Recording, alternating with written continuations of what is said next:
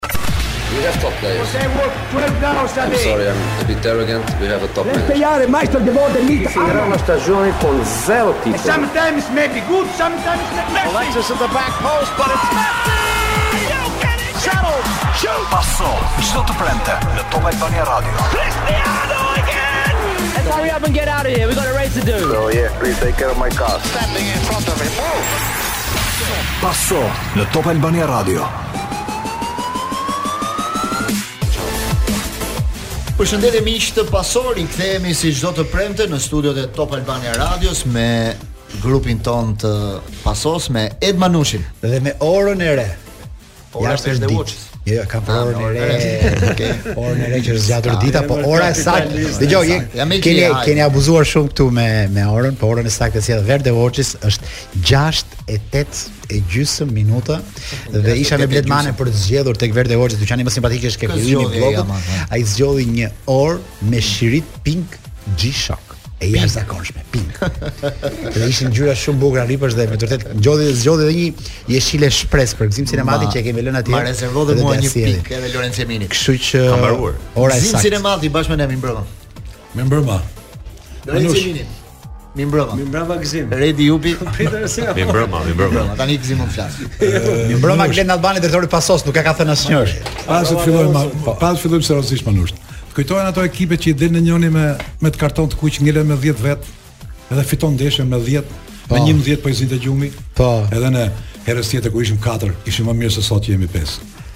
Katër pa redin apo pa pa redin, pa redin. Të gjë tani, të gjë. Pa fort morën, biles, biles morën dhe karton të kuq, ça ngjyra morën, vjen se Sulmani në ça ngjyra. Ky është një provokim, ky është një provokim që ti duke ndejt bashkë me Glendin ke marr gjithë veset e drejtorit dhe je bërë një provokator si ai. I shtini benzin jo, zjarrit dhe doni një Paso të frikshme, po Pasoja do të ketë nivele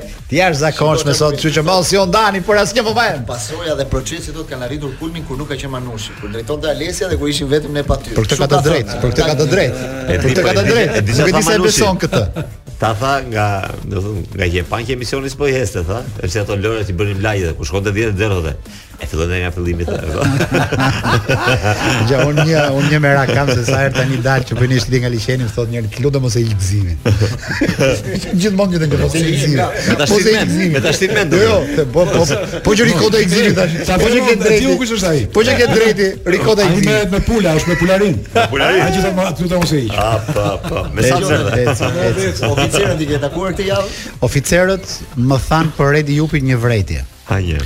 Redi Jupi para para se të luante kombëtarja, deklaroi diku që për mendimin tim do ishte gabim mos të luante Asllani. Po e tha me një tonacion që kishte bërë përshtypje po. oficerëve, edhe më të fortë, edhe më tha, po mirë më tha, pse Redi tha e quan gabim mos luaj Asllani, ku e ka parë ai që Asllani është në gjendje të jashtëzakonshme, dhe më bën ca pyetje nga këto që të jetë kaq i skandalizuar Redi Jupi. Unë i thash do ta kërkoj këtë gjë live dhe Redi do i kënaqet duke dhënë përgjigjen tani, ata na ndjekin që gjithë i përshëndesim. Atëre, uh, un uh, me ata lojtarë që kishim në listë tani, mm -hmm. do e filloja formacionin Asllani përpara mbrojtjes dhe pastaj do vija dhe 10 të tjerë. Jo sepse un kam ndonjë uh, pasion apo dashuri të veçantë për Asllanin, por nga lojtarët që neve kemi aty, Ë, është do duke hequr Gjimshiti nuk ishte, Broja nuk ishte, Uzuni luajti atje ku luajti, po themi, është nga ata lojtarë me të cilët neve mund të mund të ngjitemi një nivel më lart.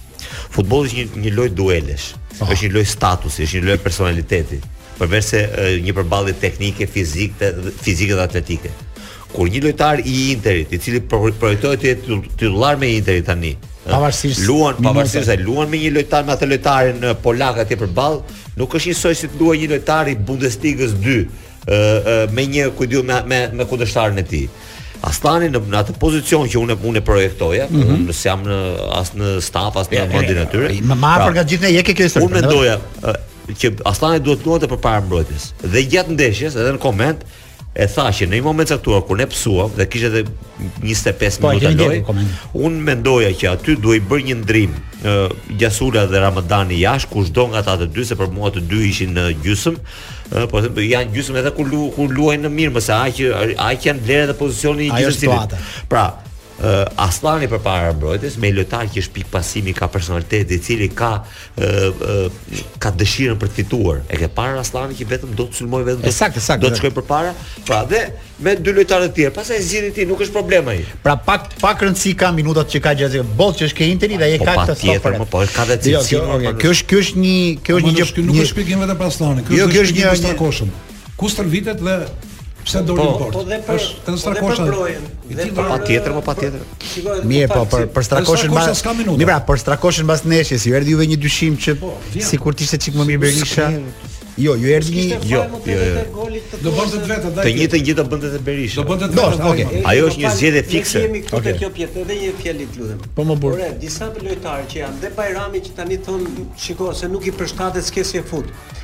apo Asllanin me, me apo ky Bajrami me Ore, po. janë 4-5 lojtar ose 6 që në kombëtare duhet ta fillosh me këta, se si i gjen ti vendin. Okej, okay, detyra. Është punë trajneri okay. kjo tani. Se s'ke ku gjen më të mirë se këta. Kjo historia e Po merrja më më të mirë se ai jep, ai ai derisa i jep atje. Po.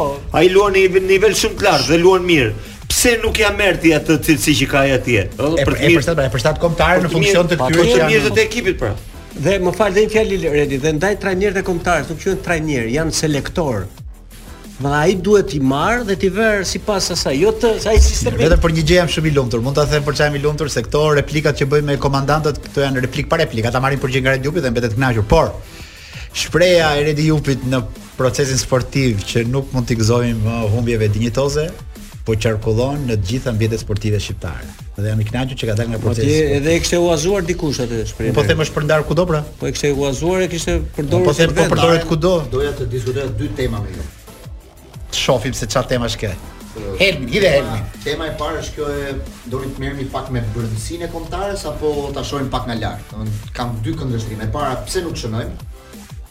Kam bërë një analizë të rezultateve dhe të shifrave të kombëtares në dy vitet e fundit. Po? Si pse shënojmë? Pse nuk shënojmë gol? Aha, pse nuk shënojmë? Probleme goli. Pse nuk shënon kombëtarja?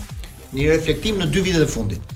Dhe tema e dytë është ajo që duhet të shihet mos keni parë gjatë kësaj periudhe një lloj zbehjeje të ekipeve kombëtare, kam këtu parasysh Spanjën, Italinë, e shumë e shumë kombëtare të tjera që nuk po i vlerësojnë si duhet këto ndeshjet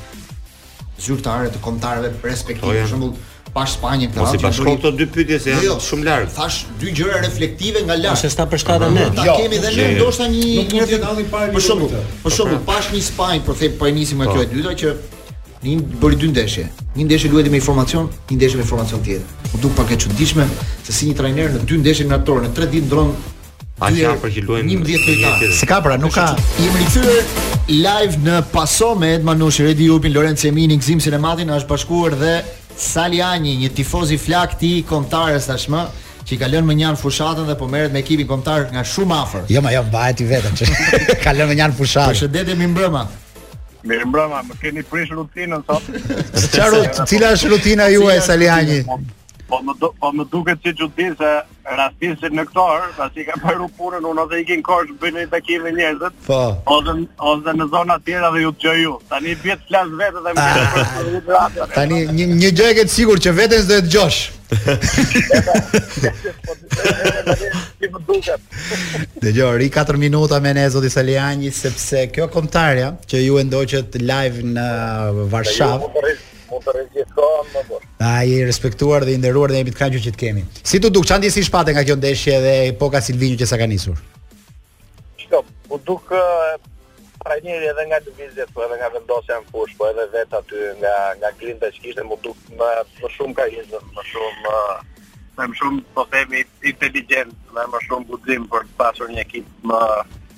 më të vendosur me skemë. Mirë. Pra këtë këtë përshtypje më më la, nuk është se unë jam ekspert. Jo, më mirë, normal, ai sa. Jo, po mbresat, mbresat e mia ishin që ishte një ekip ndryshe, aq shumë sa me Poloninë që kishte një ekip që vlen diku te 300 milionë euro. U duk sikur ishin barabartë dhe të gjithë ikëm të pishmanosur, po themi edhe me me me merak që nuk u barazua të paktën, pra për lojën që bëm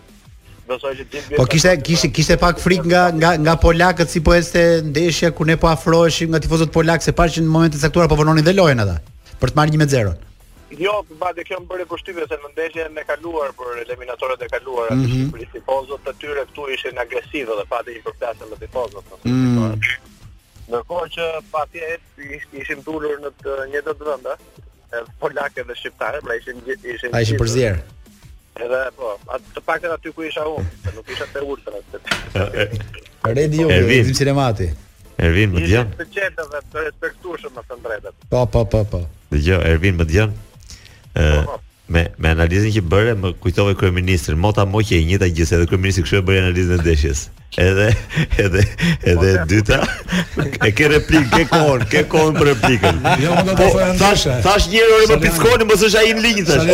Edhe e dyta është që m'u kujtua një herë sepse pashë diku që të kishin nxjerrë, domethënë, jo po Saliani ka shkuar me delegacionin e tjerë e tjerë që s'ka asgjë të keq sepse dikush do shkojë apo. M'u kujtuan tifozët e Romës kanë një gjë që kur shkojnë kur janë ata tifoza turistë kështu i thonë tifoza okazionale porti male thonë. Do të thonë si. pra sulmoi këta tifozë që vijnë nganjëherë. Kështu që ose shko gjithmonë ose shihe gjejeve vetë. Ja shkon gjithmonë Ervin, Ervin është koherent me kombëtaren. Se kot s'e kemi thirr.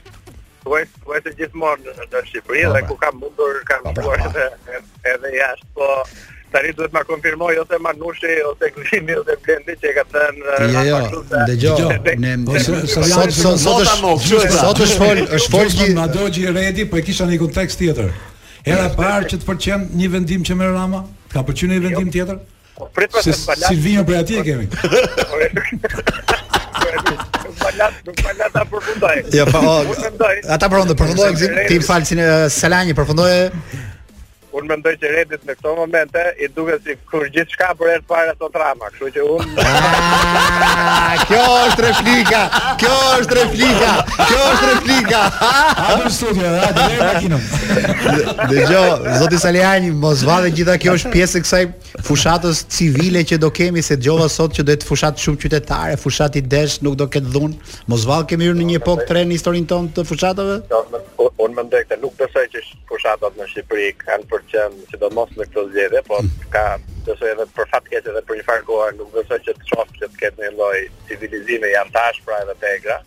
Mm -hmm. Dhe kështu duket se do të jetë edhe kjo fushatë, po në raport me atë që që çdo politikan apo çdo qytetar në fakt duhet të ketë një lloj mbështetje për kombëtarja nuk është atë ramë ose atë i një atë normal është një duhet të ketë duhet të ketë një lloj një, një lloj mbështetje po them uh, uh, të madhe dhe, dhe masive dhe në stadiume me sa shoh edhe atje kishte shumë shqiptarë takova pra u u gëzova shumë edhe pata një lloj kënaqësie që pa shqiptarë kishin kishin ardhur nga New Yorku për të parë ndeshjen në Varshavë. Si. Pra vetëm vetëm për vetëm për ndeshjen, pra ishin një grup, ishin gjashtë veta që kishin ardhur nga atje për të ndjekur ndeshjen. E bukur kjo. Kish, Kishte kishte shqiptarë të tjerë që i pashë nëpër qytet që jetonin në Frankfurt, që jetonin në Finlandë, në vende të ndryshme që po ashtu kishin ardhur për të ndjek kombëtaren. Çka tregon që është një prej gjërave që na që na bashkon atë. Saliani një pyetje, një pyetje flesh e drejtpërdrejtë. Në mungesë të Skënderbeut, në kategorinë superiore, për kë bën tifo Ervin Saliani? Për kë të doni ju. Ama, gjithë e ke një skuadër, ke një skuadër rezervë, shpresoj. Shikoj, nuk nuk logjika do donte Tiranën, por nuk e di. Nuk nuk e kam ndjek me me me vëmendje, po pa diskutim duke qenë se është më shoh që një pjesë e madhe e e miqve apo e, e përkrahësve të Partisë Demokratike janë me, me Tiranën. Dhe sa orë duhet, dhe sa orë duhet të arrish deri në Korçë që të të llogaris pak vuajtje që do kesh me ne.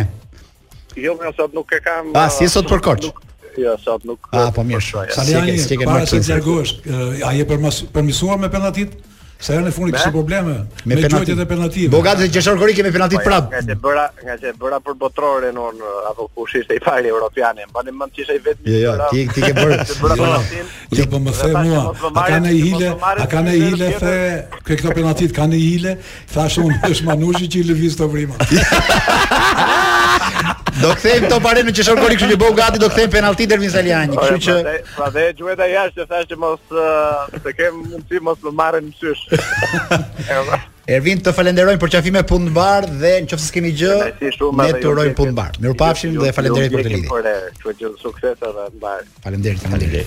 Ishin Ervin Saliani në pranë. Ajo teza që hodhi ishte super, ta analizojmë. Nga doni ta fillojmë. Ta fillojmë me Kjo pse s'shënon ishte ideale, meqë kemi po. Redi Jupin këtu për ta. Disa shifra që ta bëni analizën po. më mirë. Atëherë. Shifrat janë nga 2021 deri në 2023, dy vitet e fundit. Kemi bërë po. dy edicione eliminatoresh, një eliminatore botërori dhe një grup Nations League. Njëzet e katër ndeshje, duke përfshirë dhe miqësoret. Shtatë fitore, gjashtë barazime, njëmbëdhjetë humbje. Njëzet e dy gola të shënuar, pra, duke përfshirë dhe ndeshjet miqësore. Ne nuk kemi dot asnjë gol për ndeshje në në dy vitet e fundit. Kanë shënuar gol shumë lojtarë në në këtë nga këto 22 gola, domethënë kanë nuk është se ka një E ke krahasimin pak me një periudhë dyvjeçare më përpara? Më përpara kemi qenë më mirë. Aha. Ë lojtari që ka shënuar më shumë në këto dy vite është Uzuni, 4 gola. Në ndeshje mesatare, në, në ndeshje zyrtare, mesatarja e goditjeve është 4.3 goditje në portë për ndeshje, në vetëm në zyrtare. Po. Nuk llogariten miqësoret Po. në statistikat e miqësoreve. Dhe ajo që bën çudi është që Uzuni në Europë, pra në Spanjë, kur luan, mesataren e golit e ka 0.63 gola për ndeshje.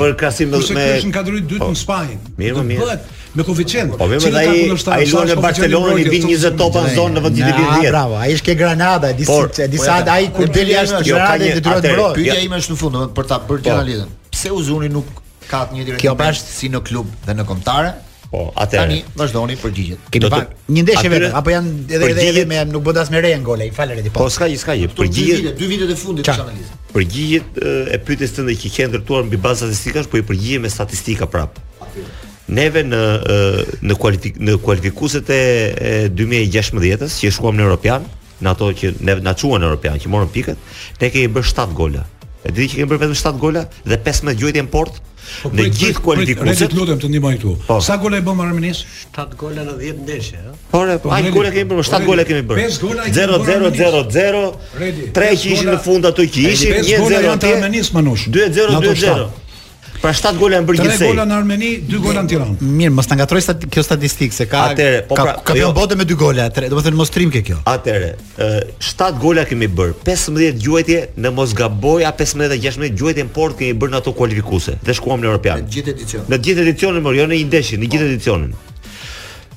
ekipi kombëtar, trendi i ekipit kombëtar tonë ky ka qenë. Do nga e, po themi kur e, ekipi jon kombëtar kur kalonte gjysmëfushën, brohoriste gjithë stadiumi që e, po, po thuajse po bëhej gol, deri te humbje dinjitoze 2-3-0 këtu brenda po themi, deri te ndonjë fitore ose barazim i rastësishëm jashtë, ku di unë se çfarë me breza të mirë, me breza shumë të mirë lojtarësh, dhe deri te ekipi që shkuam në Europian.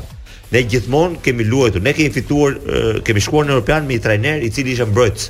Pra luante shumë mirë në fazën mbrojtëse, i cili ishte racional në lojën që bënte, edhe që e legjitimoi të shkuarën në Europian përveç atyre që themi ne për Armeninë etj etj, me ndeshjet që bëri atje. Pra, unë unë De Biazit i, i kam dhënë dorën kur ai u kthye nga Europiani për tre ndeshjet që bëri atje. Pra ai me tre ndeshje bëri e legjitimoi atë. Do të bëj një paralelizëm te U 17 që luajti këtu në në në ekipin tonë U 17 në Albania. Bëmë një kualifikuese në elite round që u quaj sukses, dhe është sukses po ta marrësh si kualifikim. Neve shkuam si të tretët e grupit, pra më të dobëtit e, e grupit të, tonë, me 4 pikë atje. Ë me një lojë shumë modeste, me një lojë jo sulmuese, me një lojë e cila nuk ekzalton individët. Uh mhm. -huh. Luajtëm këtu dhe ne morëm 2 pikë me dy gola që unë i kam parë ndeshjet të gjitha, Dy golat ishin dy gabime të qendërmbrojtësve. Pra neve shumë pak herë shkuam në portën kundërshtare, huq qendërmbrojtësit te ndeshja me Zvicrën, huq qendërmbrojtësit te ndeshja me Letoninë, e kupton? Dhe në cilin neve nuk bënim tre pasa rresht. Ë, e kupton? Pra ky është trendi i futbollit tonë. Tani mos mos mos mendojmë neve që ne që neve ky është me U 17, ky është me U 19, pra, ky është po. me U 21, ky është me ekipin. Analizën bëj kështu. Por ama, unë logjikën e ndjek me me objektivin që ne vendosim. Ne kemi ja, objektiv të shpjegojmë këtë tani. A shkojmë dot në Europian me këtë mesatare? Do shkojmë. Neve duhet të shkojmë në Europian. Nëse nuk do shkojmë, është gabimi i këtyre nëse nuk do shkojmë. Sepse kshu janë dhe ekipet e tjera, mos kujto se janë kanë mrekullira. Po po them. Atëherë, Uzuni nuk shënon këtu sepse Uzuni në në në momentin e tij më të mirë, në momentin ideal të tij të formës, të gjendjes psikofizike, ata e futën në krah. Po pra, e kanë proces Gredi këtë. Pra, ata e futën luante në krah. Uzuni është një lojtar i cili nuk është racional përpara portës. ka humbur gjithmonë raste. Unë e njoh që fëmijë, që 16 vjeç. Sepse është një lojtar që bën ka ka një kapacitet aerobik shumë të madh dhe vrapon shumë për skuadrën. Pra e e, e ndihmon shumë skuadrën në shumë aspekte. Nëse ti kërkon që ky të shënojë pastaj është abuzive për atë. Por ama, në këtë moment ai po luan shumë mirë përpara, fute përpara drejt ai.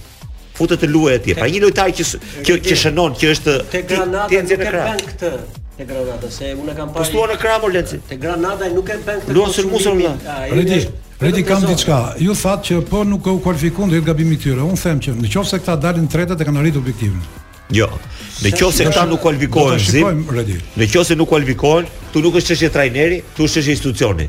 Ka një president, ka një komitet ekzekutiv, ka një sektor përgjegjës, në qoftë se neve nuk kualifikohemi me këtë grup lojtarë që kemi, me atë Çekinë që luan me gjithë Spartën e Pragës, që asnjë lojtar nga asnjë nga lojtarët tanë nuk do të dëgjonte të shkonte atje të luante me Spartan e Pragës. E lamë te kombëtarja ku po diskutonim në lidhje me pse nuk shënojmë, pse shënojmë kaq pak dhe objektivat tona tani në në këtë raund eliminator pas humbjes së parë, Ed Manushi fjala për ty tani. Jo, ideja ide, ideja është kjo që mm, fakti që ne diskutojmë sot që pse shënojmë pak do të thotë që trupi na kërkon golin. Do të thotë ne jemi në një pjekuri të lojës së kombëtares sonë, të paktën mbas ndeshjes që pamë me Poloninë, saqë ne nuk jemi më situatë mbrojtje edhe gol me kundërsulm. Nuk e di nëse është meritë e Silvinjos apo ky grup që ne kemi ka arritur pjekurinë. Por ndoshta të dy bashkë bëjnë që ne të kemi një kombëtare sot ku ne të kërkojmë golin. Ky zotëria i tha i pari atje, nuk ka më iku koha e humbjeve dinjitoze. I referohet faktit që tani ne duhet të rrim para portës të gëzohemi rasteve.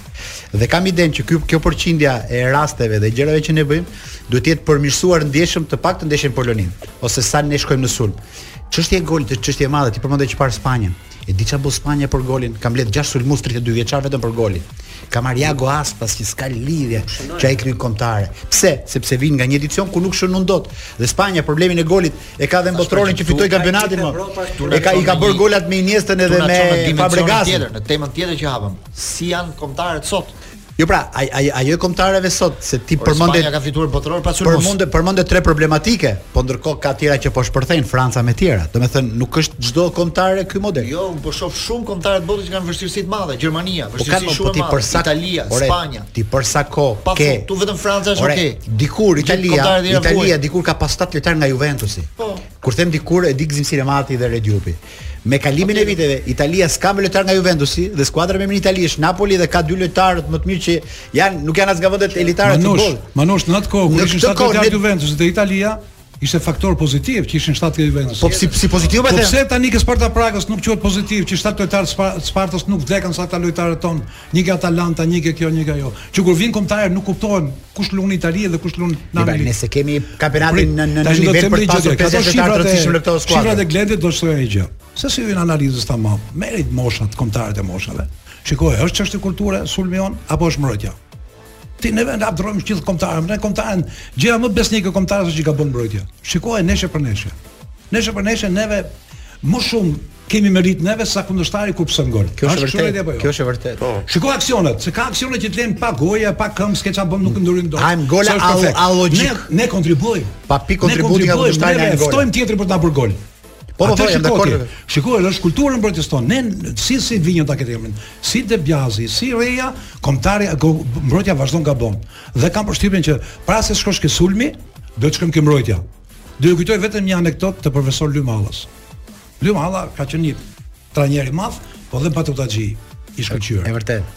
U bë, siç kemi prekur ne sot temën e sulmuesve, u prek atëherë tema e sulmuesve për gjuajtjet në kuadrat. Mm. I dëgjoi gjithë trajnerët profesor Lym Alla dhe i tha atyre, ju dëgjova të gjithë, dhatë mendime të vyera. Por tha, a keni qenë njëherë në banjo, tha, kur shkojnë n'banjo sulmuesit tanë, tha, a keni pa ku e hedhin atë kur dhjesin, tha, nuk e fut asnjëri brënda, tha, e gjynanësh. E fillon që aty Manush për dalë ke porta. Po, po. po. Edhe që ka që ka më ky ky WC-ja goli që ka më i lartë se mua. Që ka shumë i lartë havi gol. Kulturë të shëtoj. Është kulturë. Kjo është e vërtetë, kjo është e vërtetë. Që ky është një problem uh, global kjo kjo nuk diskutohet. sepse duhet të kuptojmë një gjë që Goli është eventi më i rrallë në një ndeshje. Në një ndeshje ka rreth 2100 aksione, domethënë take, pasim, kërcim me kokë, ku di un se çfarë. Jan 1200 aksione të ndryshme. Po ne sigurisht goli ecën dhe fati më rrit. Një minutë se vetëm atë nuk e bën dot. Të ke mendjen te gjë tjetër dhe s'po dëgjon çfarë po të them.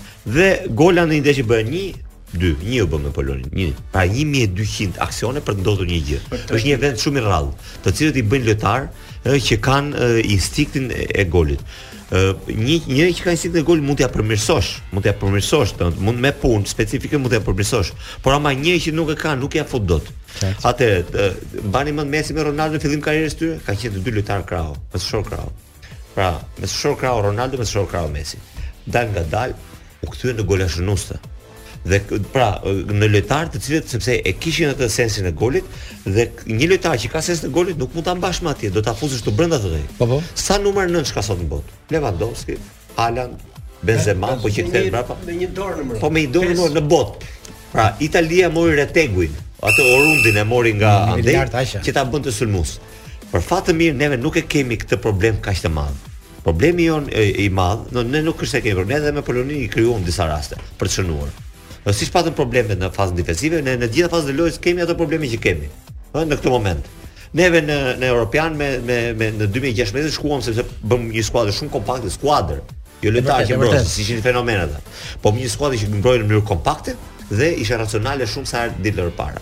Pra unë e thashë në emision te te te Procesi të hënën që një ndeshje ta fiton individi, Uzuni, Broja apo ku di unë çfarë. Kurse kompeticionin dy vjeçar, siç është eliminatorja, ta fiton skuadra. Pra ajo që ka detyrë institucioni dhe dhe dhe Silvinho është që të bëjnë të bëjnë skuadër.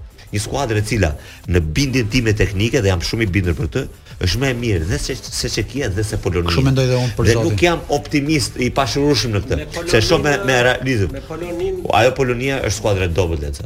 Ta ta, ta siguroj të. Çekia me ata lojtarë që pashë unë, sepse ju thoni 7 lojtarë ju vetë pse njësoj janë 7 lojtarë ti vetëm njësoj 7 jo, jo, jo, lojtarë të Spartës së Pragës. Jo, jo, Redi.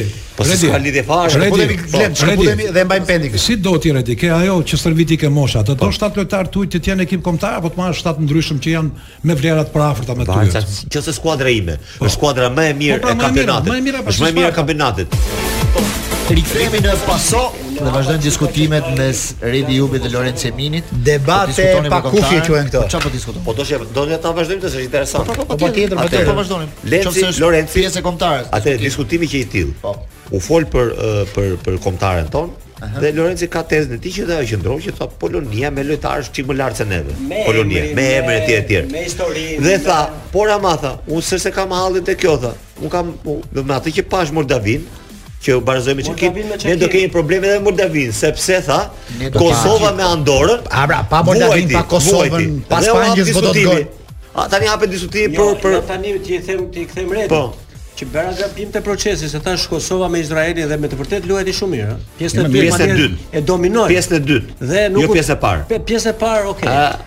Ndërkohë që me Andorën vjen mbas 3 ditëve ndeshja me Andorën dhe barazoi, po luajti në mënyrë skandaloze. Lenc o të themi të themi një gjë që si një ekip ndryshon. Dëgjoj. Është futbolli sot mo Lenc o. Jo. Të themi një gjë tani që do do të do ta do do të mbushi për për Kosovën, do që ta të Kosova, pse s'më mbush mendjen mua Kosova kur luan? Edhe mua më pëlqen ai futbolli që bën Kosova. Pra kam qejf ta shikoj. Po, okay. Por ama është nuk është një futboll rezultativ. E di si luajnë ata? Si luajnë në 95. Gjithë secili nga ne luante për publikun për populizëm, për për të marrë pjesën e vet të sherit të vet në stadium. Pra futeshim në stadium, neve gjithë secili, të gjithë lojtarët e kombëtares, merr topin, Luaj për vete. Pra shiqe minutat e fundit me Andorën, futin triblim Rashica. Po, futin triblim ky Zhegrova. Futu triblim aty, aty do krosimi. Pra aty racionaliteti. At, unë nuk po them që ata nuk kanë frymë për ekipin, por ata që ata duan për veten raport me publikun është më e madhe dhe e, ja mbyt dëshirën që ata kanë për të bërë për ekipin. Pra ata janë me mendësinë e të luajtur, janë në 95-ën.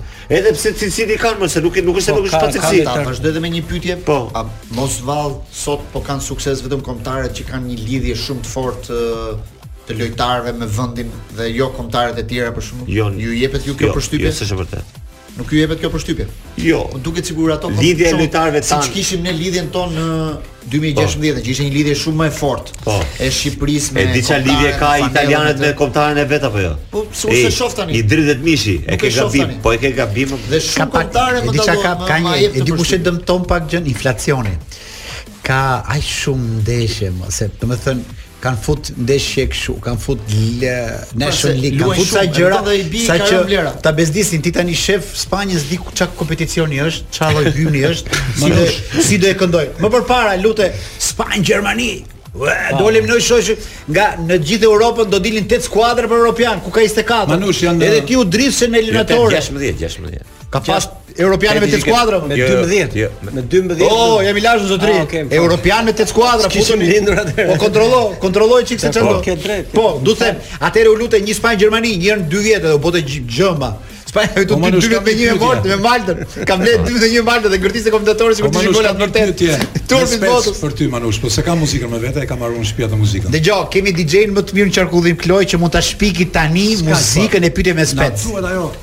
Na duhet ajo e nëna e ballt. Muzika e pyetje me spec. Manush.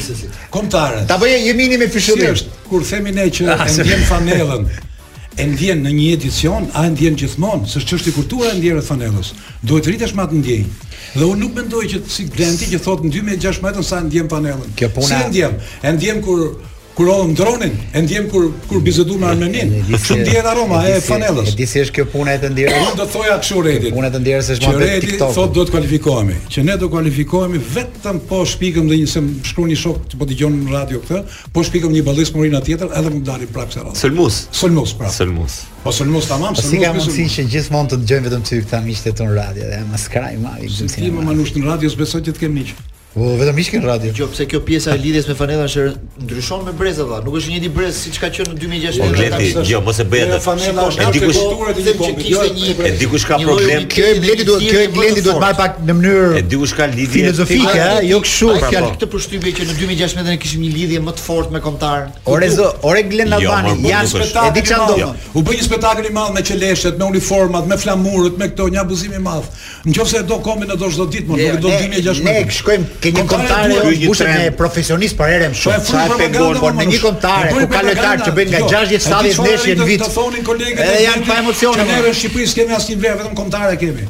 Po tani ku i kemi vlerat e kombëtares? Tani kemi vlera të tjera, s'kemi kombëtare. E kemi kombëtaren Gzim tani. Po e kemi, po është gjallë apo është është shtrirë? E kemi më gjallë se kurrë.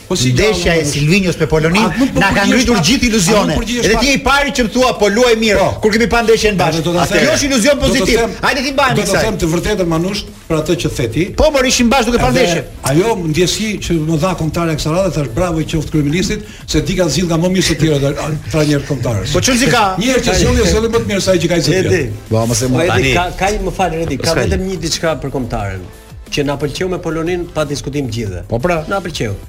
Ajo që do ta konfirmojë është ndeshja me Moldavinë. Po mirë, sepse unë jo pa qëllim pa dëshirë. Ne do ne do bëjmë emisione deri atë ditë. Jo, dakord, unë jo pa qëllim. Nuk e pëlqeu jo. Lenci ne. Okej, mo. Thamë shyqyr s'i hëngrëm 3 apo. Dakord, dakord. Tani më fal, ta mbaroj. Të vë një titull gazete, Kombëtarja u ngjall së vdekuri. Po. E pranon?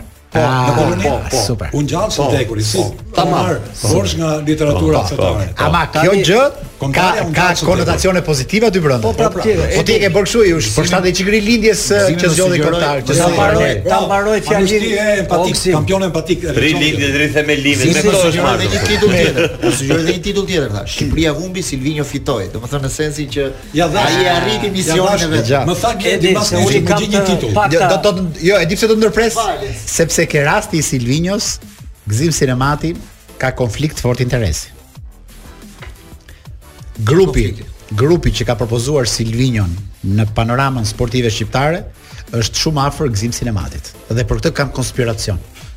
Ma, Manush, jo s'është afër, po jam vetë. Më merr në telefon i madhi dhe më tha, këtë radhë do zgjedhësh ti. Edhe gjërat kanë ndryshuar, për çfarë si për çfarë rritet. Jemini, fjalë për ty Jemini. Unë flas më pak nga të gjithë sepse Ndjesë, ndjesë, ndjesë po do bëni më pak edhe për arsye moshe dhe për arsye statusi. Lutem. Tani, jo pa qëllim e pashë ndeshjen Moldavi Çeki. Vetëm për një diçka, për të vërtetuar që me të vërtetë Çek Çekia është ekip kaq i fortë sa e mundi lirshëm Poloninë, jo, nuk është e fortë. Pra, nuk po, është e fortë po, Çekia. Atë që po thotë Redi po thotë. Është e dobët Polonia. Dhe ajo që thotë Redi dhe unë bashkohem që ne kemi një mundësi të artë për t'u kualifikuar. Mirë se erdhe në grup. Sepse këtë, këtë po themi. Po. Duhet të kthejmë dhe Gëzimin tek ky grupi. Dalngadalë. Po analizën për Moldavinë do bëjmë pastaj. Rikthehemi në këtë pjesë të dytë të pasos me grupin tonë Edi Manushi, Redi Jupi, Lorenc Jemini, Gzim Sinematin dhe përpara se të vazhdojmë me diskutimet tona do donim të përshëndesim Iute Credit, pasi IutePay organizon lotarinë e saj të fatit ku klientët mund të marrin pjesë duke bërë një blerje me këste në partnerët e IutePay nga data 1 deri në datën e sotme 31 mars. Mm -hmm. Kështu që keni kohë dhe pak orë. Fituesi do të marrë mbrapsht të gjithë vlerën e produktit të blerë. Nxitoni të plotësoni ëndrrat se me sa duket mund ta merrni falas. Për më tepër informacion mund ta gjeni edhe në MyIute app në Play Store dhe në App Store. Kështu që keni edhe pak kohë për të bërë një blerje dhe më pas të merrni pjesë në shorteun e IutePay. Për të vazhduar, kishit diçka tjetër të fundit për kombëtaren apo doni të kalojmë në ka ngjarje bote, ndeshje shumë të rëndësishme në fundjavë. Lorenci po thoshte diçka për Moldavinë apo jo? Apo do të ecim? Pothuajse mbarova po jap edhe një fjalë. Jo, ça ça vështirësi paraqit edhe Ishujt Faroe dhe Moldavia. Domethënë sigurisht pra, do të thotë skuadra që kanë një lloj rritje modeste po e kanë. Shiko Edi, po ta vësh re edhe nga intervistat që japin mbas Polonisë, Të gjithë që dëgjon thonë kemi 6 pikë të sigurta në qershor. Po pra po e bën mbi. Nëse ne ikim me këtë ide, ë, do të shikosh që do zhgënjehemi dhe unë e pashë rastin më konkret me Kosovën. Ta thashë që e pashë ndeshjen me Andorrën dhe ishte një zhgënjim. Këmbanë alarmi duhet të shërbejë kjo e Kosovës. Po ta thashë, por ne që kemi 6 pikë të sigurta sipas. Sepse nuk e mund dot lehtësisht as Ishujt Faroe. Sot janë forcuar gjitha ekipet. Unë për kuriozitet edhe të emisionit dhe të vet profesionit, pasionit për futbollin, unë ndjek dhe ekipe si Luksemburgu. Nuk janë më ato ekipe. Si i ndjek? I shikoj ndeshjet, po i shikoj. Tjetër po Luksemburgu, po Lihtenshtejni, që ne i, po, quajmë hiç, San Marino që kanë kaluar në Redi ka thënë, jo më nuk hanë dot gola më ato. Jo. Nuk ka më sepse kanë marrë lojtarë edhe edhe San Marino akoma, që s'është më ajo që kam arbitruar unë para 10 viteve, që e kishim sigurt, ishim turistë komplet. Po, po.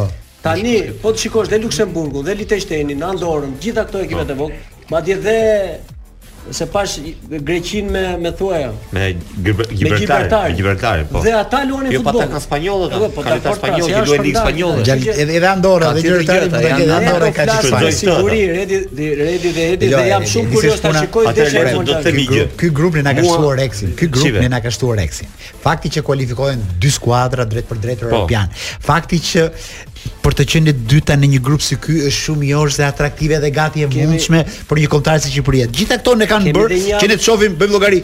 Ishalla Moldavinë, fitojmë Faroet, barazim me Çekinë. Ne do të ndryshojmë pak më shumë ndryshojmë pak të vogël që jemi grup me 5.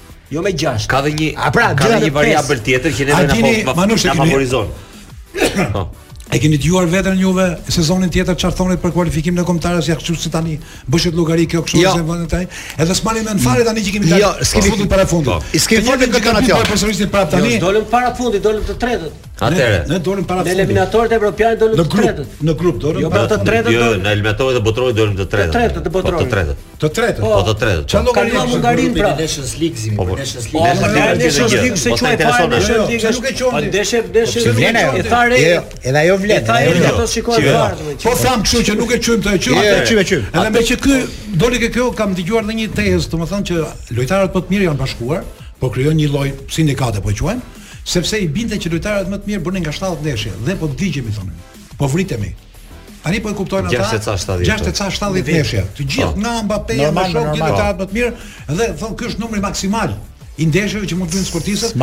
Gjithë kjo punë bëhet vetëm për paratë, për gjëra. Thoshte, ndërkohë që sportistët marrin më shumë para, janë më të motivuar, ka sponsorë kështu, prapë si prapë ankohen tha sepse nuk po i kursejnë fare. Ka një pyetje për para se shkoni tek lajmet ndërkombëtare, kam një pyetje për zotin Jemini. A dëgjove intervistën e Enea Jorgjit? që bëri një refit tjetër që mos na Jo, jo, po do ikë kjo jashtë këtu. Po, jo, jo, ta them diçka për kombëtaren, të lutem, se ishte ajo për Moldavinë, se na ndërpreve. Jo, jo. Atëherë. Po, po, pastaj pas asaj. Jo, jo, jo, atëherë. Barazimi i Moldavisë me Çekinë është oportunitet. Mos e, po, shihni. Mos e shihni ashtu. Jo, e di pse është oportunitet, sepse në qoftë se grupi do ishte i skontuar, po themi, domethënë që të gjitha skuadrat, tre skuadrat e forta që luajnë, sepse unë mendoj si triangular, ne të tre, po, gjashtë pikë me këto i, po, kemi. Kështu si shkuan rezultatet, që Çekia mundi Poloninë, po, Polonia po, na mundi neve. Po, neve na favorizon kjo situatë që dhe ishit favorizon dhe Moldavia nuk do munden nga të, nga të gjithë ekipet. E, dhe neve e, këto kjo është oportunitet. Veç më ka një frikë tani. Çfarë? Në çfarë aspekti? Një frikë që ma ka sjellë drejtori i Pasos Glen Albani që kupton konspiracion ndërkombëtar. Kam frikën e komplotit Çeki Poloni.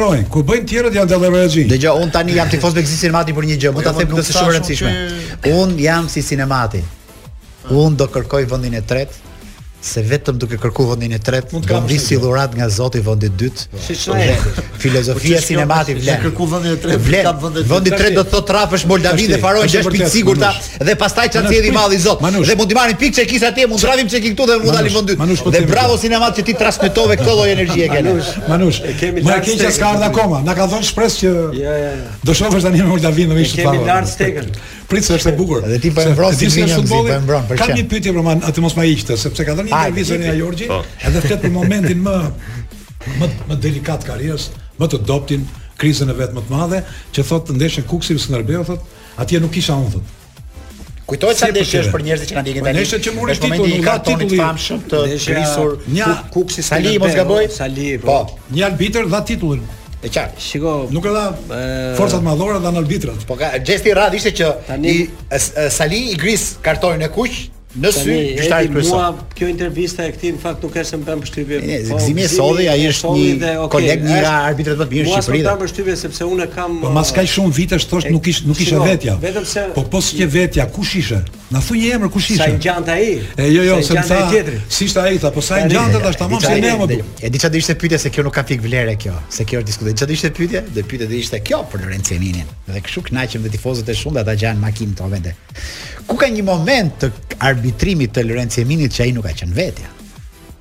Ai mund ta thotë sot. Shiko, Edi Kur vishte pizhamen. Po jo. Po jo, jo, jo.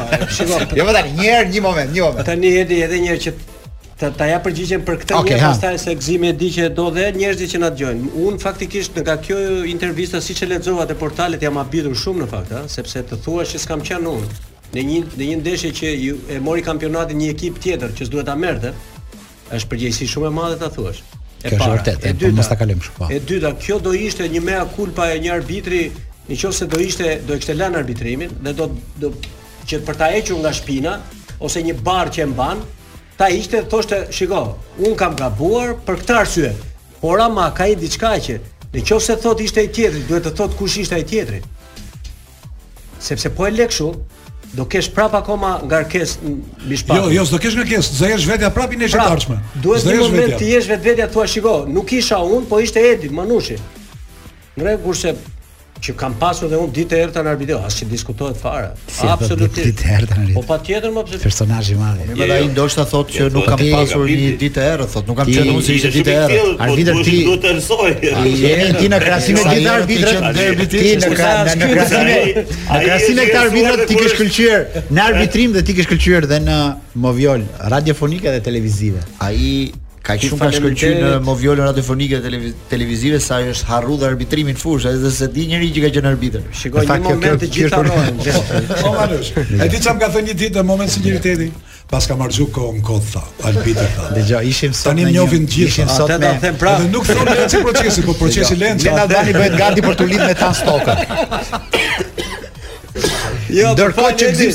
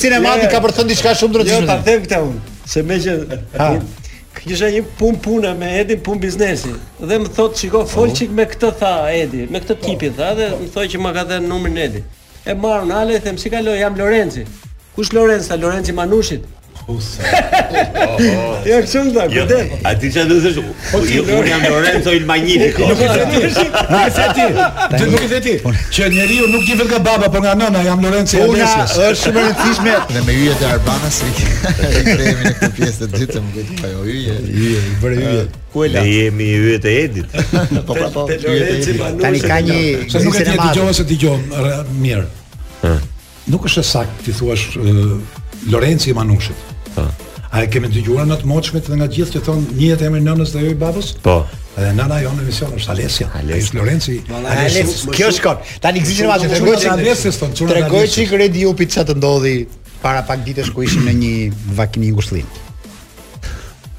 Është situatë e vështirë, Redi, a? Po tani ne do marrim pjesën e bukur të asaj. Tani, unë me Manushin vamë në ngushëllim. Gjatë kohës që po bënim ngushëllim dhe po bënim muhabet, po. Tha, vjen dikush, një moshë e madhe, një grua, zonjë. Dhe hyri me Me lot, siç e ka në jugu, neve të jugut ti e di vetë. Po e di. Me lot që ke pranë. Me oi. Me oi. Jo, me oi, po më e moderuar. Po, po. Edhe po qante, po qante kishte ulur kokën dhe ndërkohë njofi vetëm zonjën. Po. Nuk i njofi ata djemtë e tjerë. Dhe ndërkohë që ngriti kokën ashtu me lot, kur shef përballë Manushin, u ky i televizorit thotë. Ka qëta vetë? Prit. Ky i televizorit dhe ndërkohë e prezantuan me këto dhe më thotë një zonjë atje. A shikoni more biro tha, ajo nuk njofi kushërinjtë e vet tha. Këto dy tha i ka kushërinj të parë tha. Njef Manushin tha, ja ky është i televizorit. A po po. Ai ku çfarë fati ka pasur. Manushi do të zgjidh tani, mos u bë modest. Mes lotëve të njohësh Manushin, i bie të qash prap. Po i di ti kush qenë ata?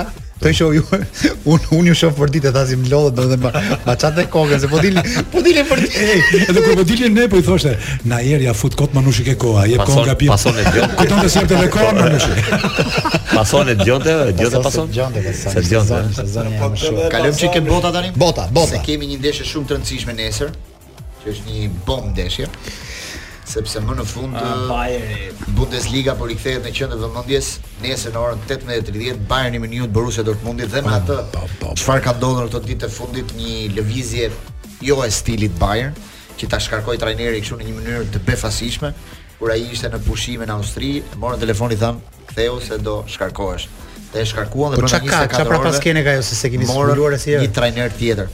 Dini gjë për atë? Arsyet të paktën që janë shkruar në shtyp janë dy. E para që ai kishte përçarë pak grupin e ekipit. Nuk e donin senatorët. Që është dhe më kryesorja. Pesë, eh? pesë lojtarë.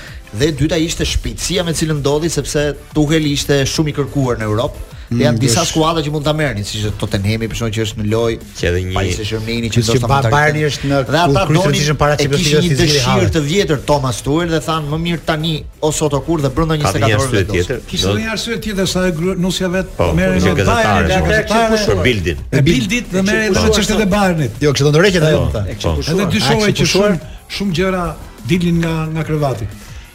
Atëherë të gjitha këto, ah, të gjitha këto e shtojnë, e shtojnë, i shtojnë komponentët. Por më kryesorja është përçarja e tij, domethënë me disa nga lojtarët kryesorë të skuadrës, që hyn Maneja këtu edhe ky Joao Cancelo i riu që po, erdhi dhe disa të tjerë. Ishte po me Gnabri se Gnabri është nuk aktivizohet shumë me me Po, edhe Musiala. Edhe Musiala. Po, ai me Kimish atë, Kimish kishte kishte fare këtë ide, dukesh si kompakt. Po, Kimish kishte atë lojtarin më të rëndësishëm në skuadrën sepse kurse me të tjerë nuk është se shkonte shumë mirë dhe përçarja me këtë me jo me me me drejtorin teknik, me këtë boshnjak. Po me Salihamidzic dhe një gjë dhe si duket mosha problem duke qenë se është një moshë e re e tij po, nuk i mbajti dot po themi emocionet dhe nervat dhe u shpreh në një për për gjoja një spiun të brendshëm aty në skuadër. Pra ne kemi një spiun, tha, kemi një talpa, do të thosha si si nuk e spiun tamam një gjë ndër. Kështu një gjë ndër të fjalën domethënë. Pa, pa, pa, pa. Dhe këto duke mbledhur kjo, këto të dyja kontradiktore. Dhe kjo tjetra dhe është pak më shumë se ajo e Contes. Pra Conte ata nuk do ta shkarkonin nëse Conte nuk do dilte dhe do fliste vetë, do të thoshte disa gjëra që nuk qëndron, jo që nuk qëndronin, po që nuk thuhen publik. Nuk thuhen publik. Edhe para disa muajve kur deklaroi Neuer, po, se dhe aty filloi debati me këtë, që pastaj pushuan edhe Sven atë trajnerin e portierëve po. Tapalovic po, po. dhe aty filloi gjithë debati. Po, keni edhe Neuerin, po, po, po. Bayern nuk është mësuar me të tilla historira. Do nuk ka peshë.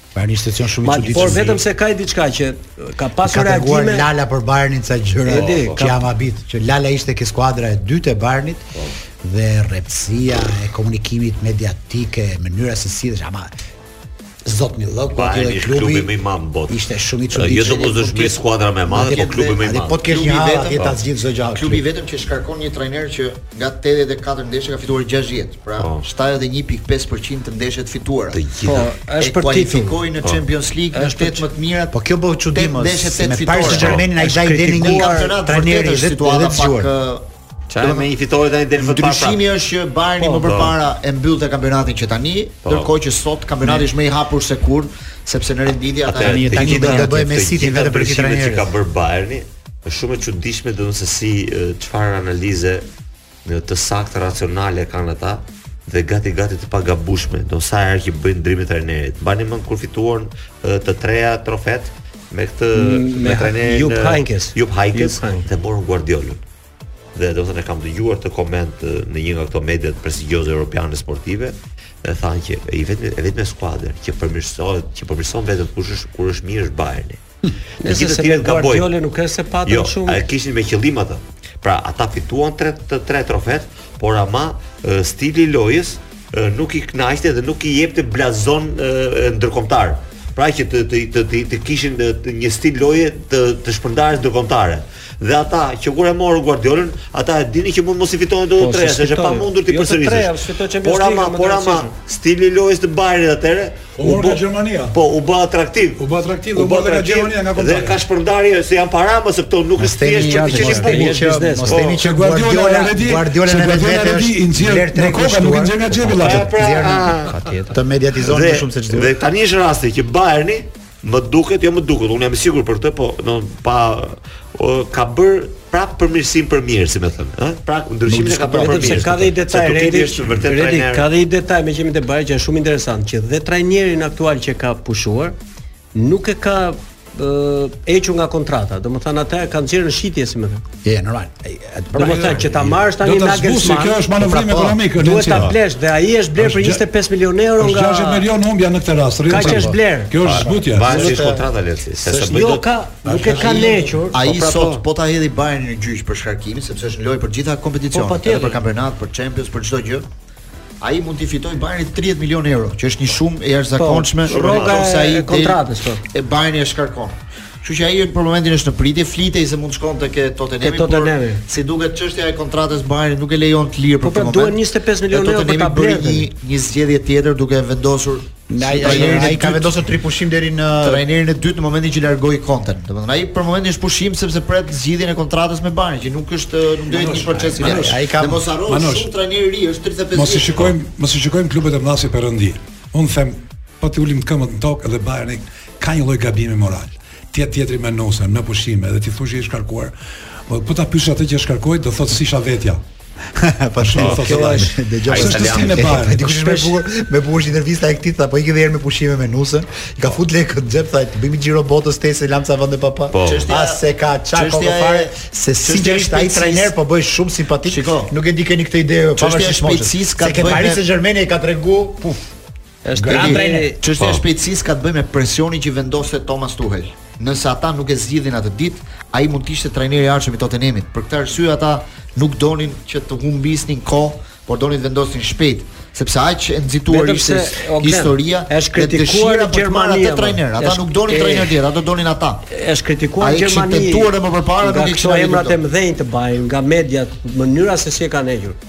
Se nuk i takon Bayern një një klub si Bayern. Pa, e, e Bayerni që kur mori një 35 vjeçar do ta mendonte një çik se Bayerni, domethënë të marrë një trajner ti trajneri çfarë. Ishte i suksesshëm ai. Trajneri çfarë. Kampionat, kupë, gjysmëfinale, finale Champions League. Është një njeri, trajneri me pak fjalë është njeri që është 10 vjet më i madh minimum se lojtarët e tjerë. Se lojtari më i vjetër. Shkon atje me një lloj eksperience për t'i mbledhë për të thënë dy gjëra prej të madhi. Ky tani ishte një moshë me Messi. Zidani, domethënë. Zidani po. është Ma nuk është gjërat. Më i vogël se Müller-i kështu. Mosha.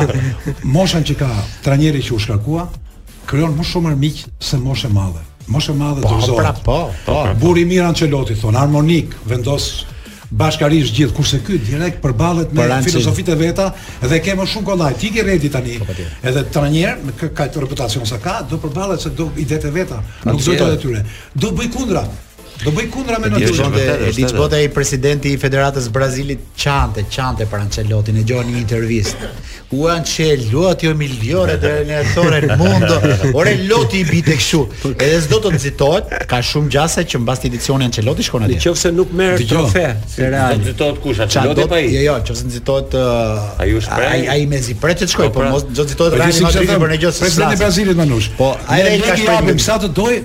Po dhe shumë çak vetë haj sa të dojë, kishte thënë për Ancelotti, ja gjejmë. Se Ancelotti është kampion i vitit i trajnerëve. Po, ja, po. një lëvizje për shkak mund të jetë dhe kjo këtë Nagelsmann ta marrin ta marrë Real Madridi që se ikën ah, Ancelotti atje. Shumë staturë e po, lehtë. Do të ekipin në Real. Ka dy alternativa që i ka prioritare. I pari është uh, Raul, që po. mund ta sjellë nga skuadra e moshës e të rinjve po. ta ngjisë lart. Të imitojë Xavin në Barcelona. Ky është një trajner që po i rriten shumë vlerat dhe kredencialet kohët e fundit që është Xabi Alonso. Ah, po, trajneri i Bayer Leverkusen, sa më pëlqen ai. Ai më pëlqen trajner i mirë ka qenë. Që ka hyrë rastësisht ka hyrë mes 10 trajnerëve më të paguar në botë në këtë moment. Ka ngec aty, ai ka, ai ka menaxher, ai është menaxher. 4 milion euro në vit. Po. Ndërkohë që trajneri më i paguar sipas një renditjeje që ka bërë L'Équipe dje,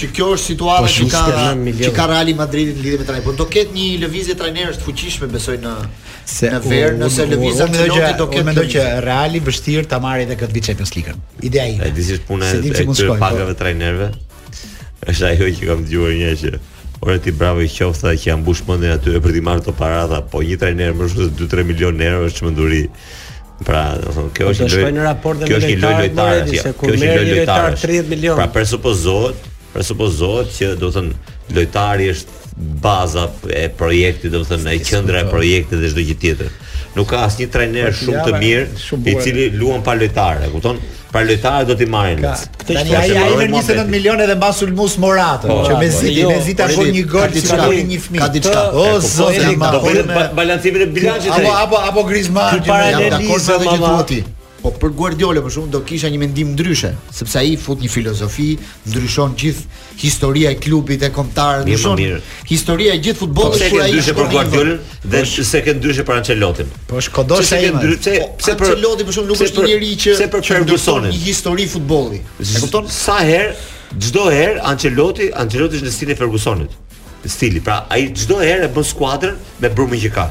Pra Ancelotti ka pas një Milan ndryshe, Juventus ndryshe, Real ndryshe. Gjithmonë i ka pas skuadra shumë të mira që bën një futboll racional dhe të mirë, të bukur, të pëlqyeshëm. Racional dhe të pra, bukur, pra, okay, pëlqyeshëm. Ishte një lojë që ecte. Ky ndryshon gjithë futbollin. Nuk është lojë që nuk ecën në Realin Madrid. Ndryshon gjithë. Ai ka stil tjetër, imponohet. Ai do të filozofisë së vet, i merr lojtarët me me filozofinë që ka dhe i përshtat.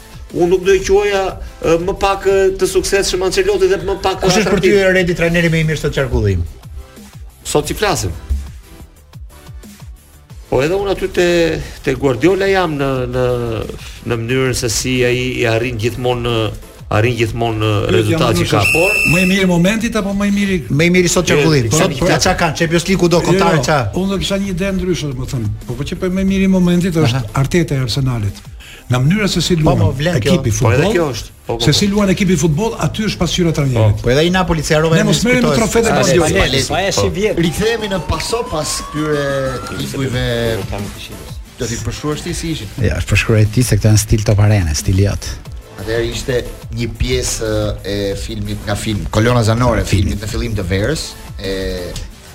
regjisorit Gëzim Erebara, por dhe muzika e Kujtim Larës shumë e ah, bukur, pra. por e bërë remix si quhet ndryshe nga Lambert Jorganxhi dhe Manushi donte ta risillte sot duke rikthyer pak në vëmendje edhe Top Arenën që ne zhvilluam gjatë botrorit të Katarit me idenë që Top Arena do kthehet këtë verë pasi në qershor kemi vendosur që jo jo çdo natë vetëm ditën e hënë ditën e Procesit por do të kemi një Top Arena qershor korik versioni veror. Version veror të të procesit sportiv edhe me evente që do ketë në atë periudhë, Champions Liga, finalja, ndeshjet e kombëtares. Domethënë ne pushimet i shtym për në pushimet siç e keni bërë gjithmonë. Në 25 ditë nuk do preken fare ti. Në Çeparo. Ore. Futbolli mbetet preteksti dhe dëshiroj këto parë në gjithmonë. Për mua po ka njerëz që bëjnë nga 2 muaj pushime vëlla, kuptoni?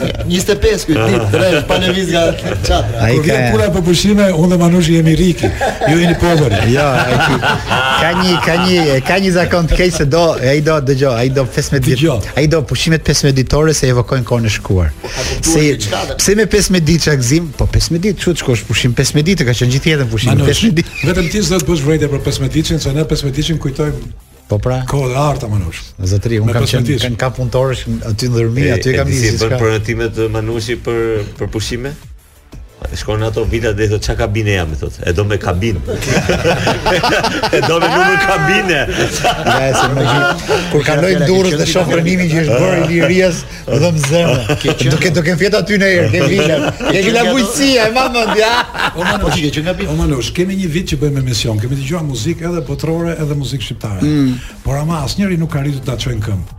Kur u dha muzika e Lambertit, u çua secili bënte një gjest që imitonte lëvizjet e Lambertit. Është virtuoz fakt. Dhe na e ka çak të pjesë. Dhe në atë arenë që kemi bërë me Lambertin, po të kujtosh gjestet, një herë imitoi Jerry Lewis, një herë bënte lëvizje të tjera dhe ne thamë që Ky është Leo Messi i pianos.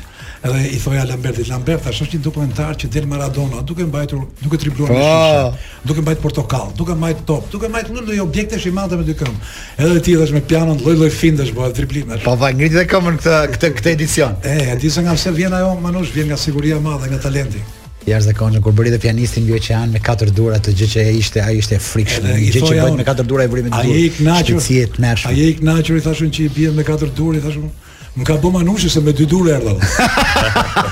Është i madh, do marrë organizimin vetë vetë bashkëpunëtori joni i Top Arenës. Kalojmë pak tek Premier Liga, pasi këtë javë do rikthehen ndeshjet, do rikthehet një ndeshje e madhe nesër në orën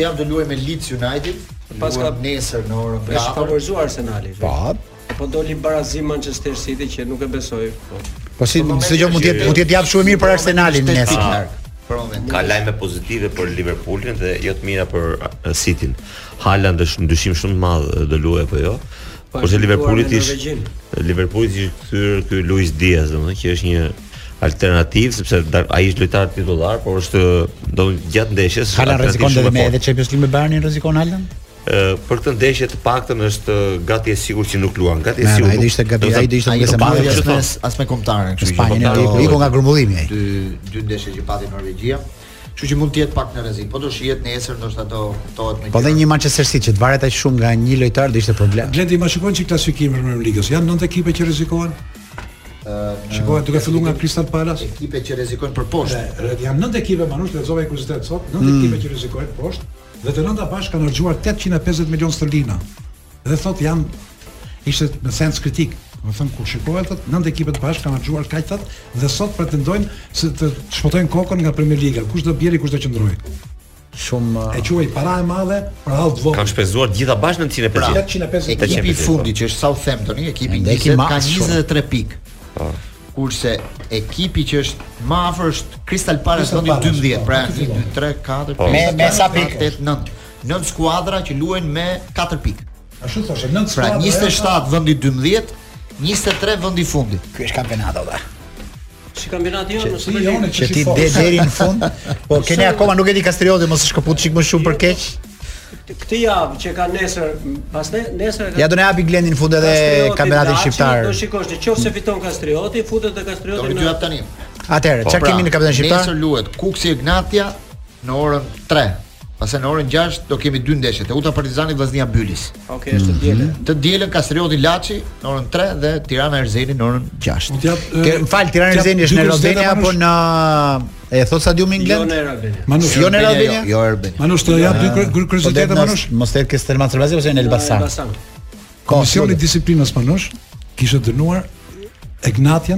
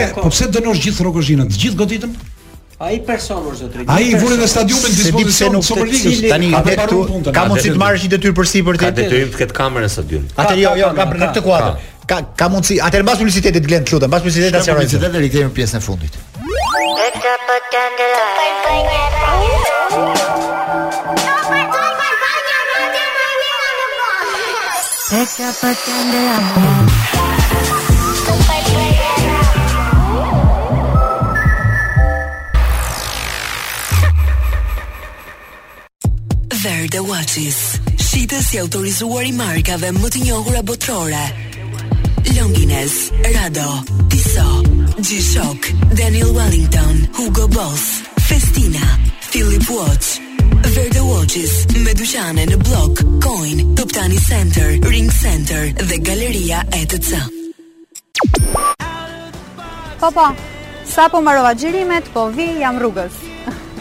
Sigal Unika Autosos. Për çdo problem të papritur që mund të hasni kudo që të jeni në rrugë, në rajon, Europë dhe tashmë edhe në territorin e Shqipërisë. Më mirë udhëtoni pa shqetësime. Me Sigal Unika Autosos. Në karrierën time si arkitekte, suksesin e përcaktojnë partnerët e besueshëm dhe prestigjiozë. Trendet, ngjyrat, materialet dhe inovacioni i çdo produkti janë ato që diferencojnë punën time. Një projekt kërkon çdo detaj në arredim, nga A-ja tek Zh-ja. Ndaj zgjidhja e vetme për mua është Prestige Home Center, vendi i markave luxury apo minimaliste, markat prestigjioze por edhe ekonomike, që ofrojnë cilësi dhe jetëgjatësi. Ndaj Prestige Home është çelësi i suksesit në karrierën time si arkitekte, sepse gjithë shtëpia juaj është këtu. Max Optika, rrjeti më i madh i dyqaneve optike në vend, ju fton të zbuloni zgjidhjet ideale për shikimin tuaj. Mbroni sytë tuaj me cilësinë maksimale të xhamave Hoya dhe Essilor. Vizita okulistike nga specialistë të huaj dhe gjithçka që ju duhet për shikimin tuaj e gjeni vetëm në Max Optika. Dukuni akoma më bukur me markat e mirënjohura të syzeve të diellit. si Gucci, Chopard, Versace, Ray-Ban, Police e shumë të tjera. Max Optika, shumë modele, shumë zgjedhje.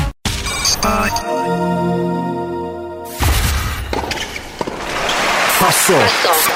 Në Top Albania Radio. Jemi live në Paso në Top Albania Radio në këtë pjesë të fundit, na është bashkuar edhe Tritan Stoka me ne. Përshëndetje Tani. Përshëndetje, mirëmbrëma. Si je në këtë javë? Je i karikuar mirë, je gati për një fundjavë të fortë ndeshjesh? Po, ndeshjet janë interesante, Partizani luan në Ke lajme të rëndësishme dhe dëmtimi i Osimhen duhet marrë në konsideratë, sepse është një Milan Napoli që na pret këtë javë. Po, pritet të flasim. Po, Problemi është që Napoli në kampionat nuk ka mundin e kampionatit, sepse edhe po fitoi Milani kampionat nuk i prish punë Napolit, por ideja është për Champions League, që Napoli të gjithë kanë folur për Napolin, por të gjithë kanë harruar që unë kam thënë edhe në në Procesi Sportiv që Milani është nëna Champions League, kupton edhe. Atë. Sa kurse fare mund të jetë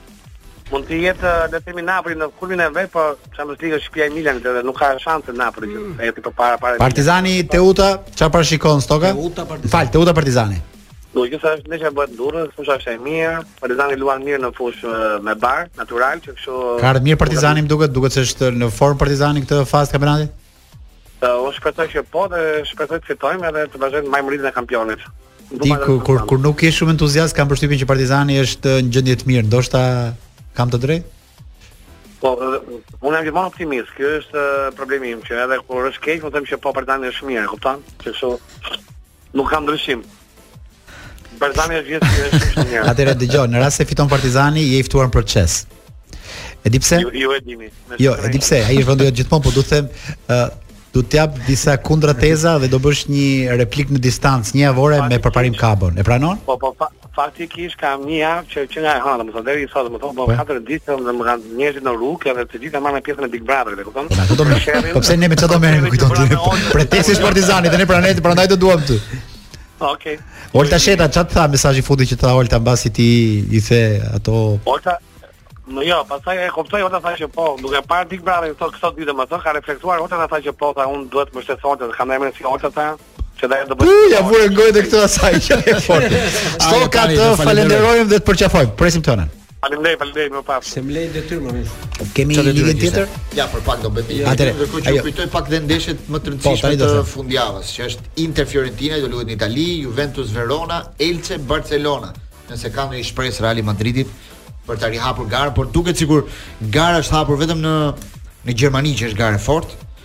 në Angli vazhdon me ato deri po. diku këto dy javë që këto dy javë janë decisive. Pjesa tjetër e ndeshjeve po. Ka marrë fund edhe Parisi po, dhe po.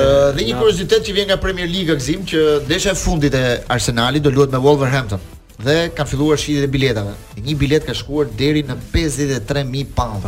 Po, 53000 pound. 53000 pound. Për një biletë për të parë Arsenal Wolverhampton, është ndeshja e fundit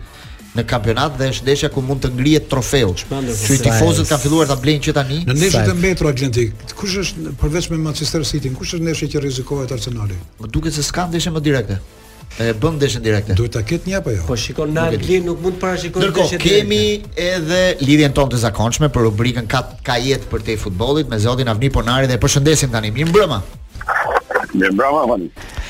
E bëmë pak më vonë lidhjen sot, e bëmë pak më vonë. Një orë, një orë e pazakontë zoti Ponari, i mësuar të dëgjojmë zërin tënd të ëmbël në 6 e gjysmë, na zuri nata. T'i bën avioni, linjat e avionëve. Nga ku po udhtoni, na tregoni çfarë udhëtimi keni, punë, weekend familjar? Jo, jo, jo, jo, jo, punë, biznes. Austri. Austri. Te kompania mëmë, kompania mëmë, takime. Takime. Çfarë orientimesh japin siguracionet? Ta nisim me siguracionet këtë javë. Çfarë uh, orientimesh ndërkombëtare kemi? Orientimet ndërkombëtare është fokusimi në në green zone. Ç'është kjo? Sa më shumë sa më shumë sigurime në green zone pra që mos kemi sigurime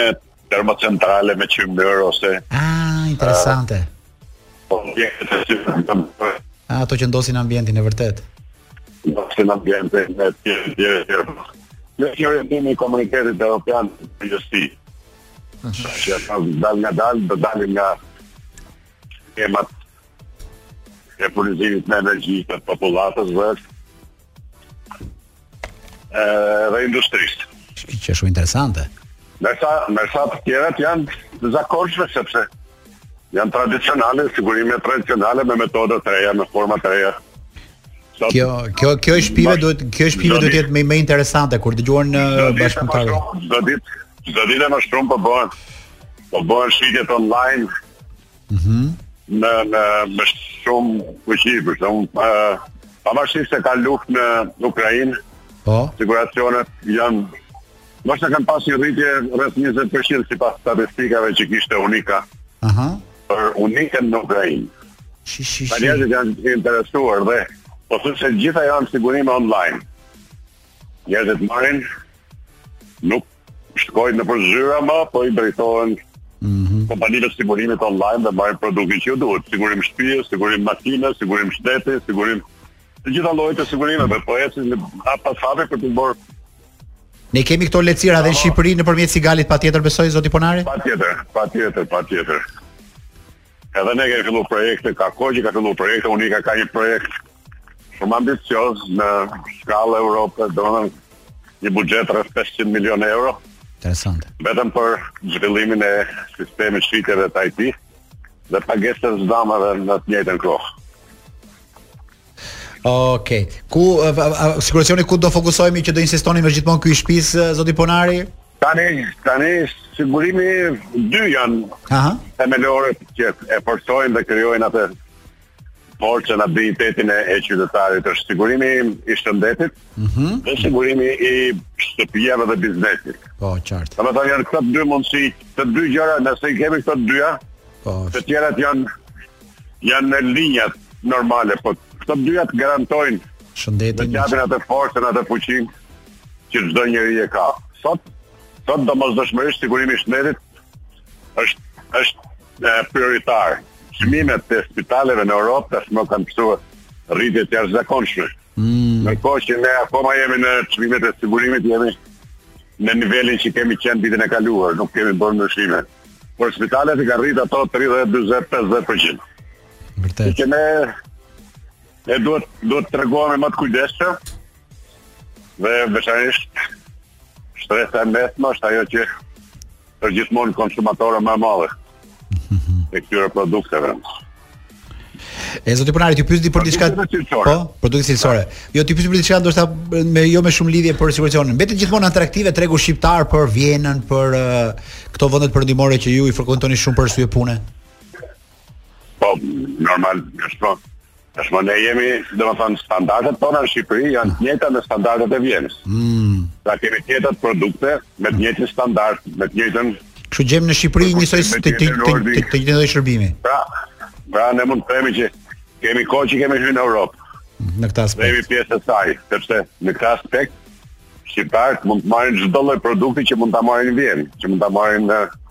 Gjermani që mund ta marrin në Zvicër.